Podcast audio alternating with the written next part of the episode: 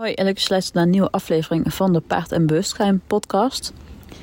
Ik weet niet hoe de kwaliteit van deze podcast is, want normaal gesproken neem ik ze altijd op in mijn kantoor met een goede microfoon. En nu zit ik op stal met mijn telefoon. Um, dus de kwaliteit zou wel wat anders kunnen zijn. Misschien is hij wel dusdanig slecht dat ik hem gewoon helemaal niet upload. Maar um, ik wilde het toch eens proberen. Omdat het wel heel makkelijk zou zijn als ik ook gewoon een podcast op mijn telefoon kan opnemen. Want dat scheelt een hoop gedoe met um, ja, in ieder geval thuis moeten zijn. En ook mijn microfoon aansluiten en zo. Dan zou dit een stuk makkelijker zijn als de kwaliteit hiervan ook gewoon goed is. Ik ben nu dus op stal en ik heb net in de auto heb ik de podcast van Amber van Paard in Vrijheid zitten luisteren over um, waarom zij niet rijdt. En ik vond het ook wel een interessant onderwerp om onze podcast over te maken. Omdat ik zelf momenteel in een soort van tweestrijd zit hierin. En dit, deze podcast zal dus ook weer een soort hersenspinsel podcast zijn. Dus wat minder informatief, maar gewoon... Um, ja, ik ga gewoon even mijn visie hierop en mijn hersenspinsels hierover met jullie delen. Het is namelijk zo dat ik op dit moment ook niet rij. Ik heb denk ik in mei, mei of juni heb ik denk ik voor het laatst van een paard gezeten. En het is als ik dit opneem oktober. Dus dat is uh, ja, toch al een maand of vier geleden. Um, en er zijn verschillende redenen voor. Um, nou, ten eerste vind ik mezelf momenteel wat te zwaar voor hem. En dan vind ik het niet eerlijk om op hem te gaan zitten. Um, maar ik had ook heel erg het idee dat hij het rijden gewoon niet leuk vond. Op een gegeven moment merkte ik dat als ik zijn spullen klaar had gelegd en ging hem halen en ik kwam met hem uh, nou ja, de bocht om zodat hij zijn zadel zag liggen, merkte ik dat hij stil ging staan. En dan kun je denken, uh, ik sleep hem gewoon mee. Maar ik had toch wel het idee dat hij dan toch, dat er toch iets, uh, dat hij daar gewoon zijn reden voor had. Dat hij zag, oh we gaan rijden. En dat hij dacht, daar heb ik geen zin in. Ik ga stilstaan.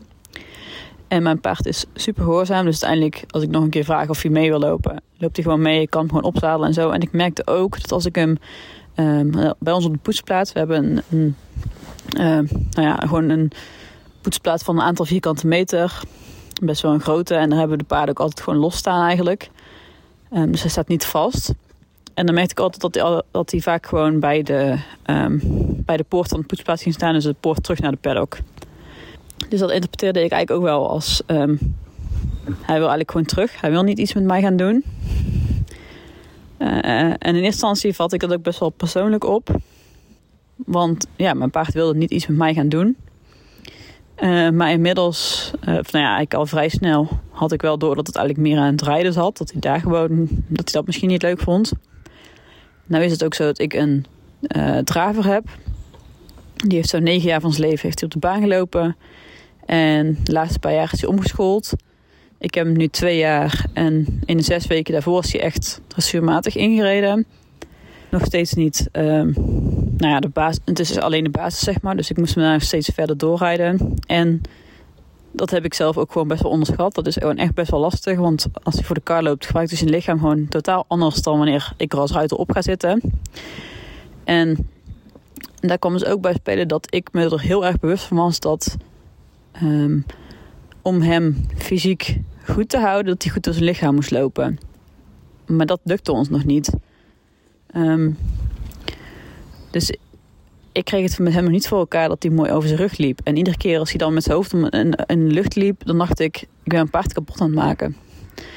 En in zekere zin is dat ook zo, als erop gaat zitten.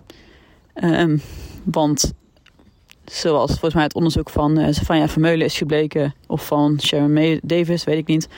Maar um, is het zo dat zodra we op paarden gaan zitten, dat ze eigenlijk al heel snel schade aan hun elleboog hebben. Um, dus in zekere zin maak je je paard ook kapot als je erop gaat zitten, hoe vriendelijk je ook rijdt.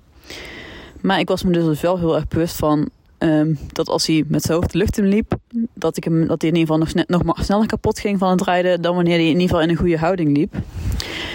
En dat resulteerde dus ook in dat ik eigenlijk zelf het rijden ook gewoon niet meer leuk vond, want ik er zo mee bezig was um, dat het gewoon niet goed voor zijn lichaam was op die manier. En het op dat moment op een andere manier nog niet lukte.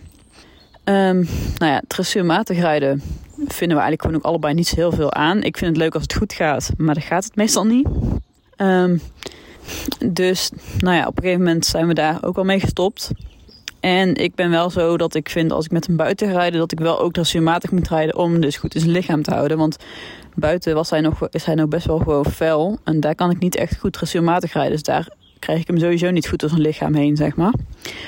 Dus hoewel ik buitenrijden zelf het leukste vond, voelde ik het er maar eigenlijk ook niet goed bij om dat wel te doen. Um, ook het stukje omdat we vaak alleen gingen. Want ik had op dat moment niet echt mensen om mee buiten te rijden. En dat geeft natuurlijk ook stress om, in, om hem in zijn eentje bij de groep weg te halen. Dus dat speelde daar ook nog bij mee. Um, maar vooral ook het stukje dat ik gewoon heel erg het gevoel had dat hij het niet leuk vond. Dat um, heeft hem dus een belangrijke rol gespeeld in dat ik um, niet meer ben gaan rijden. Ik heb hem toen ook een reading van hem laten doen in juni ja, juli denk ik. Um, en daar kwam uit dat hij best wel vast zat in zijn lichaam. En dat het deels ook was omdat hij mij spiegelde. Um, omdat ik niet goed in mijn lichaam zat. Ja, niet goed in mijn vel zat meer. Uh, en ja, ondertussen zijn we daar al een paar maanden verder mee. Ik ben ondertussen ook al in therapie. Om daar iets aan te doen. Um, maar ja, ik kwam, toen kwam dus meer dat ik het niet eerlijk vond om van hem te verwachten dat hij echt voor mij ging werken.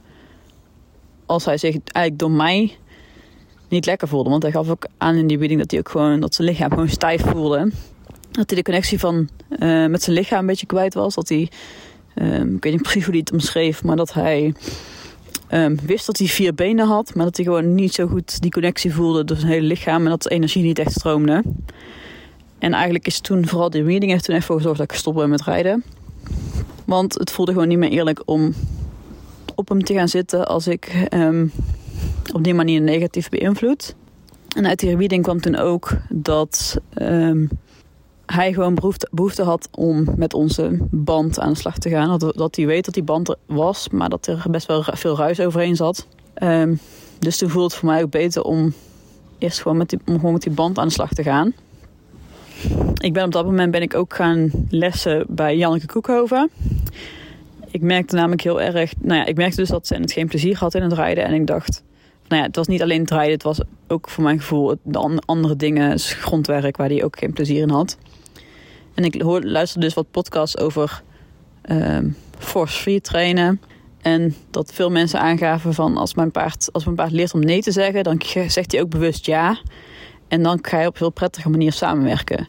En zoals ik al zei, het is echt super braaf. En alles wat ik van hem vraag, doet hij. Mits hij het kan natuurlijk. Maar ik wil ook dat hij het leuk vindt. Um, en dat was op dat moment niet zo. In ieder geval voor mijn gevoel niet. Dus ik wilde op zoek naar een manier waarop ik een manier samen kon werken met hem die bij allebei leuk vonden. En zo ben ik dus bij Jan Koekhoven terechtgekomen. Um, en toen heb ik ik heb zo meteen weer les van Janneke, dus daar zit ik niet op te wachten. Um, en we hebben nu ongeveer onder, onder zes weken, dus het is ongeveer drie maanden geleden dat we onze eerste les hadden. Um, en toen zijn we gewoon begonnen met wat simpele dingen. Met uh, standing still, facing forward en targeten. En ik had het nog nooit zo enthousiast gezien als dat hij tijdens die les was. Um, dus ik merkte, want ik, Janneke had van tevoren al gezegd, want ik had aangegeven... Um, ik wil dit gaan doen omdat ik merk dat hij geen plezier heeft in het werk. En ik wil het gaan waar hij wel plezier in heeft. En toen had ik al aangegeven, nou, bij drivers is het gewoon wel vaak zo dat het moeilijk is om hun plezier in werken met mensen te geven. Dus ik had me daarop voorbereid. Maar de eerste les uh, werd Zenit dus gewoon meteen super enthousiast. Dus toen had ik zoiets van, oké, het zit er dus wel in. Dus dit vindt hij wel echt leuk. Um, nou ja, dan gaan we dit voorlopig maar gewoon doen, want dit vindt hij echt leuk. En dat vind ik dan nu even belangrijker. Dus daar zijn we nu ongeveer drie maanden mee bezig. Um, en nu komt ik ook een beetje het punt dat ik ja, de tweestrijd waar ik dan in zit, zeg maar. Want op zich, um, bij Zenit zit ik wel op het punt dat ik denk van, nou ja, als we nog op het punt komen dat rijden weer goed voelt, dan ga ik weer rijden. Maar als dat niet komt, vind ik het ook prima. Um, want op dit moment heb ik er ook eigenlijk totaal geen behoefte aan met hem. Omdat ik weet dat uh, het ook gewoon een punt van frustratie is voor ons allebei. Uh, en dan, even voor duidelijkheid, is niet dat ik mijn frustratie op hem afreageer of zo. Maar het is niet, het is niet dat we ontspanning uithalen, zeg maar. Um, dus op zich voor hem, bij hem denk ik, ik zie wel wat de toekomst brengt. Ehm, ik heb geen verwachtingen en kijk wel wat goed voelt. En als we met klikkertraining op een gegeven moment weer op een punt komen dat rijden goed voelt, dan uh, zien we dat dan wel. Um, maar tegelijkertijd zit ik ook wel een beetje mee dat ik rijden wel gewoon heel leuk vind. En dat ik bijvoorbeeld nog heel graag een keer een oefencross zou willen rijden. Um, ik zou graag nog een keer mijn eigen paard op het strand willen rijden. Weet je, zo heb ik nog best wel wat dingen die ik gewoon nog graag zou willen doen. En ik denk dat dat met Zenit, nou ja, oefencross in ieder geval niet. Misschien een keer op het strand rijden. Maar ik weet niet of dat met Zenit gaat lukken.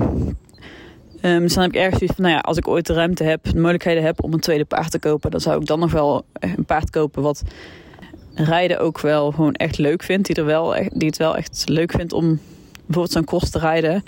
En tegelijkertijd denk ik ook wel van, ja, in hoeverre vindt een paard dat nou echt leuk? En dan nog, um, ja, wat is, daar ging de podcast van Amber ook over. Um, dan nog, in hoeverre beschadig je het lichaam? En is dat dan eerlijk naar het paard toe. Want uiteindelijk is paardrijden natuurlijk gewoon egoïstisch. Want we doen het omdat we het zelf leuk vinden. En in hoeverre en voor hoe lang kan ik dat nog aan mezelf toe verantwoorden. Um, maar dat is nu een beetje het dilemma waar ik nu mee zit. En waar ik zelf ook nog geen antwoord op weet. En dat zal de tijd gaan leren. Um, maar ik, ja, ik vind het wel een lastig punt. Um, ik merk bijvoorbeeld ook dat als, ik heel veel als ik dan met mensen uh, praat die met klikkertraining werken, of als ik naar hun podcast luister of wat dan ook, dat daarin heel veel mensen zijn um, dat die eigenlijk gewoon het rijden sowieso al opgegeven hebben, zeg maar. Omdat die gewoon klikkertraining dusdanig leuk vinden dat ze gewoon geen behoefte meer hebben om te rijden. En ik merk dus wel dat ik die behoefte met Zenit niet zozeer heb. Maar tegelijkertijd merk ik ook wel dat ik klikkertraining niet leuk genoeg vind om echt alleen maar klikkertraining te doen. Want ik, haal daar toch gewoon niet, niet genoeg um, voldoening uit. In ieder geval tot nu toe. Dus ik vind het wel leuk om af en toe te doen. Maar ik weet niet of ik, of ik er uh, genoeg uithaal om alleen maar dit te doen. En voor de duidelijkheid, het gaat er niet om weg. Het blijft gewoon bij mij tot, totdat hij doodgaat. Um, of ik moet het echt niet meer kunnen betalen. Maar hij, ook al zou ik niks met hem doen, hij gaat er niet om weg. Uh, het is nu alleen een beetje zoeken wat ik dan wel met hem wil doen. Um, dus ik ben nu ook wel wat vaker ook gaan wandelen. Maar ja, dan ga ik nog steeds alleen met, met hem van het terrein af. Dus ik weet dan ook niet in hoeverre dat nog goed voelt. Dus ja, dat zijn wel dingen waar ik mee speel. Met hem. Um, en ik merk ook heel erg dat, ja, wat ik al zei, met mensen die veel klikkertraining doen, dat die eigenlijk al geaccepteerd hebben dat ze gewoon niet meer gaan rijden en dus ook geen behoefte aan hebben.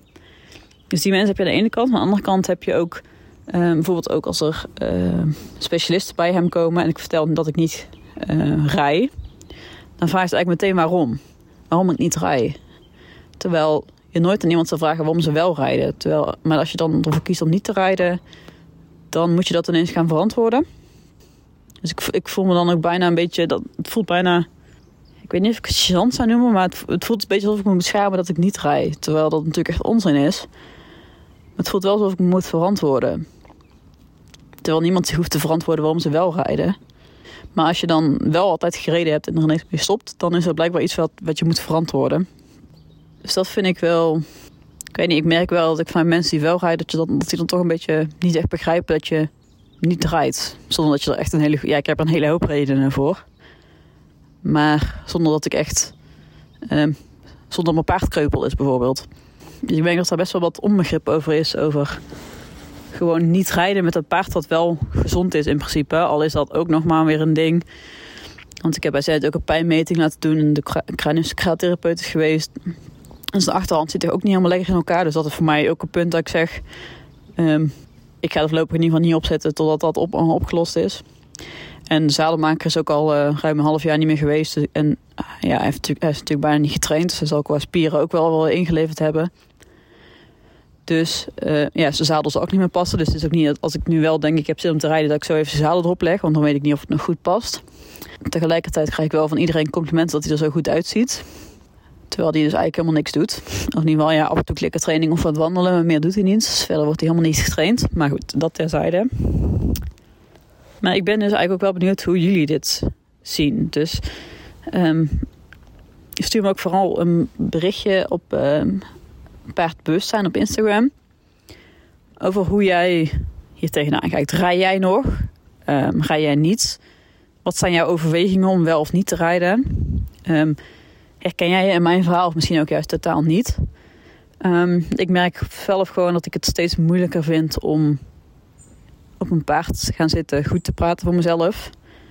Omdat het eigenlijk gewoon puur egoïstisch is. En um, dat vind ik een lastige, want er zijn eigenlijk, ik probeer als het om een paard gaat echt zo min mogelijk egoïstisch te zijn.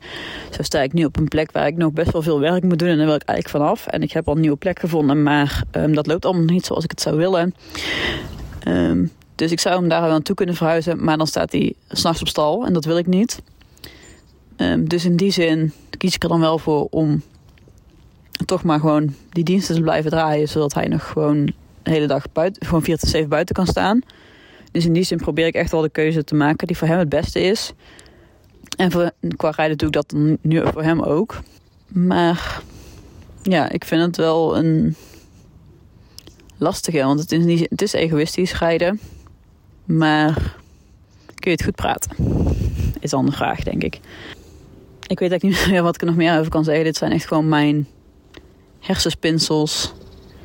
Maar ja, ik ben vooral benieuwd naar hoe jullie hierin staan. Hoe maken jullie de overweging voor jezelf? Zijn jullie gestopt met rijden? Um, hoe hebben jullie de balans gevonden tussen voelt rijden nog wel goed? Voelt het niet meer goed? Wat doen jullie wel met je paard? Um, dus ja, ik zou het heel interessant vinden als jullie me een privébericht sturen hoe jullie hierin staan. En um, ik wil met deze podcast uiteraard niemand tegen het hoofd stoten, want ik weet zelf gewoon ook nog niet. Uh, er vliegt een helikopter, een vliegtuig over. Ik weet gewoon zelf ook niet um, ja, hoe ik hierin sta en hoe ik hier in de toekomst mee om wil gaan. Daarom maak ik deze podcast ook. Dus ja, enerzijds geïnspireerd door de podcast van Amber. En ook omdat ik nu dus weer klikkertraining les heb.